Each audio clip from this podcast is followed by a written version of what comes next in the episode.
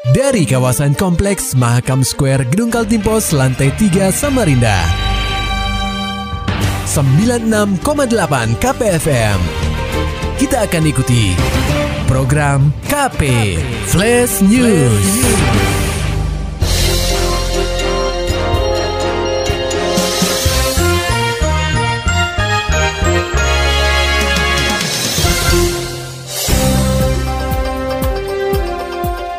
Anda sedang menyimak program KP Flash News bersama saya Agung Pratama.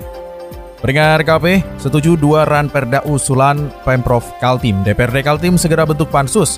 Laporan selengkapnya akan disampaikan reporter KPFM Samarinda, Muhammad Nur Fajar. Dua rancangan peraturan daerah atau ranperda, usulan dari Pemprov Kaltim mengenai pengelolaan keuangan daerah, serta pajak dan retribusi daerah, akan dibahas melalui panitia khusus atau pansus untuk bisa menjadi sebuah peraturan daerah atau perda. Persetujuan itu didapat melalui mekanisme rapat paripurna ke-7 DPRD Kaltim yang berlangsung di Gedung B DPRD Kaltim pada Selasa 21 Februari 2023. Rapat paripurna sendiri dipimpin langsung oleh Wakil Ketua DPRD Kaltim, Sigit Wibowo. Ditemui usai rapat paripurna, Sigit menjelaskan bahwa terdapat beberapa hal penting agar dua ran perda ini bisa disahkan menjadi perda. Perihal pengelolaan keuangan daerah, pembuatan perda ini dilakukan agar aturan ini bisa mengikat kedua belah pihak, yakni Pemprov dan Pemkot atau Pemkap, terkait dengan pajak dan retribusi daerah.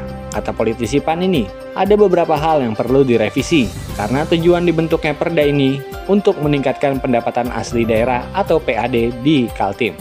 Putusannya tiga bulan dilaksanakan eh, terkait dengan pengelolaan keuangan daerah.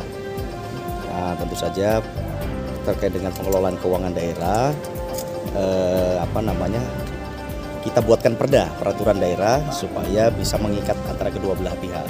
Nah, kemudian tentu saja ada perbaikan-perbaikan eh, terkait dengan pengelolaan keuangan daerah. Kemudian yang kedua itu terkait dengan pajak ya. Nah, terkait dengan pajak ini kita beberapa kali revisi terkait dengan pajak tentu saja outputnya adalah e, sebenarnya bagaimana meningkatkan pendapatan asli daerah itu. Lebih lanjut, dalam rapat paripurna ketujuh ini, DPRD Kaltim telah menyetujui dua ran perda ini untuk dibahas menjadi perda oleh pansus yang akan dibentuk. Pansus ini memiliki masa waktu tiga bulan untuk merumuskan hal-hal mengenai pengelolaan keuangan daerah serta terkait pajak dan retribusi daerah. KPFM Samarinda, Muhammad Terfajar melaporkan. Berita selanjutnya pendengar KP, setiap kabupaten atau kota seharusnya memiliki lahan ruang terbuka hijau atau RTH sekitar 30 persen. Hal ini tertuang dalam Undang-Undang Nomor 26 Tahun 2007 tentang penataan ruang. Tetapi di Kalimantan Timur sendiri, terdapat tiga kota dan tujuh kabupaten yang memiliki persentase penataan ruang terbuka hijau berbeda-beda. Menurut Kepala Dinas Lingkungan Hidup atau DLH Kaltim, Ence Ahmad Rifadin Rizal, dari hasil perhitungan Kementerian Lingkungan Hidup dan Kehutanan atau KLHK RI terkait Kota Bontang, Samarinda, dan Balikpapan sangat terbatas kawasan ruang terbuka hijaunya. Rizal mengatakan tetapi untuk menuju persentase 30%, pihaknya akan terus mengusahakannya di tiga kota tersebut. Sementara untuk tujuh kabupaten di Kaltim sendiri sudah mencapai persentase tersebut dikarenakan kawasannya yang luas.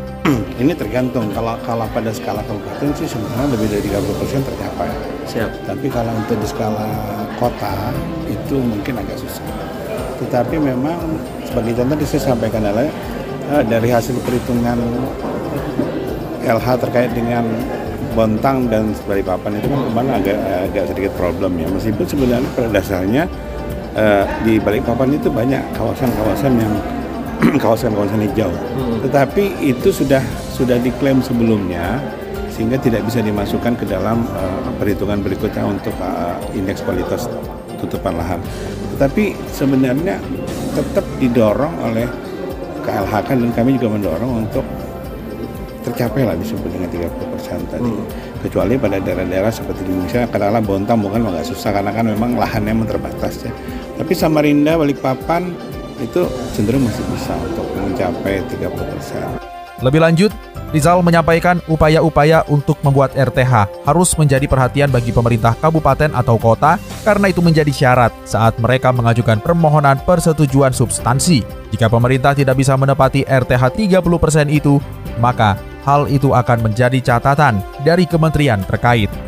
Pendengar KP Badan Kependudukan dan Keluarga Berencana Nasional atau BKKBN Kaltim mengadakan pertemuan bersama Badan Amil Zakat Nasional atau Basnas Kaltim serta TP PKK Kaltim untuk membahas mekanisme penyaluran bantuan kepada masyarakat yang beresiko stunting. Pertemuan yang ketiga kalinya ini berlangsung di Cafe Muara Jalan RE Marta Dinata Samarinda pada Selasa 21 Februari 2023. Hadir dalam pertemuan ini Kepala Perwakilan BKKBN Kaltim Sunarto, Wakil Ketua TP PKK Kaltim Erni Makmur Hadi Mulyadi, serta pimpinan Basnas Kaltim. Sunarto membeberkan pertemuan ini membahas mengenai teknis penyaluran bantuan dari Basnas Kaltim sebesar 1 miliar 80 juta rupiah yang akan disalurkan kepada keluarga berisiko stunting. Dana sebesar itu merupakan akumulasi dari tahun 2022 dan tahun 2023, di mana pada penghujung tahun 2022, Basnas Kaltim yang mendapat peran Bapak Asuh Stunting menyalurkan 540 juta rupiah untuk membantu menangani 400 keluarga beresiko stunting di benua etam, mulai dari ibu hamil hingga balita. Kalau konsep konsep penanggulangan stunting dengan pemberian makanan tambahan itu periodenya enam bulan gitu ya. Oh enam bulan Ya, aja. jadi satu orang itu dapat intervensi dengan pemberian makan tambahan selama enam bulan.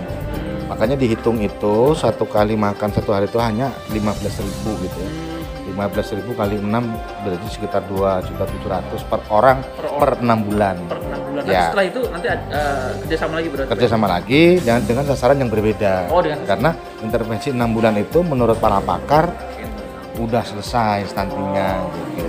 Sunarto berharap melalui sinergitas antar instansi ini, pihaknya bisa segera mengimplementasikan bantuan tersebut sehingga pelaksanaannya bisa berjalan dengan baik, serta penyaluran bantuan bisa tepat sasaran kepada keluarga yang benar-benar membutuhkan serta beresiko stunting.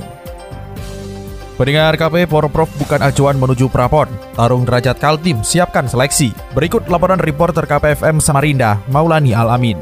Sekretaris Umum Pengurus Provinsi Keluarga Olahraga Tarung Derajat atau Kodrat Kaltim, Nur Fajriah menyebutkan pihaknya bakal menggelar seleksi atlet yang akan berlaga di Prapekan Olahraga Nasional atau Prapon 2023. Nur menerangkan, seleksi akan dibalut dalam kejuaraan provinsi atau kejurprov. Kompetisi tersebut diagendakan setelah Lebaran Idul Fitri atau akhir April 2023. Sementara Prapon direncanakan berlangsung di Solo, Jawa Tengah, Juni mendatang. Pengurus besar kontrak telah menyepakati jumlah nomor tanding di Prapon dan PON ke-21 2024 di Aceh Sumatera Utara.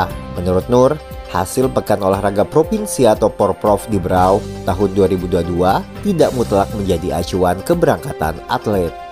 Eh, persiapan untuk ke prapon tentunya kita harus ak- akan mengadakan seleksi dulu ya seleksi. Karena hasil porprov kemarin kan tidak mutlak untuk menjadi acuan eh, atlet kita berangkat ke prapon. Jadi akan ada seleksi dahulu.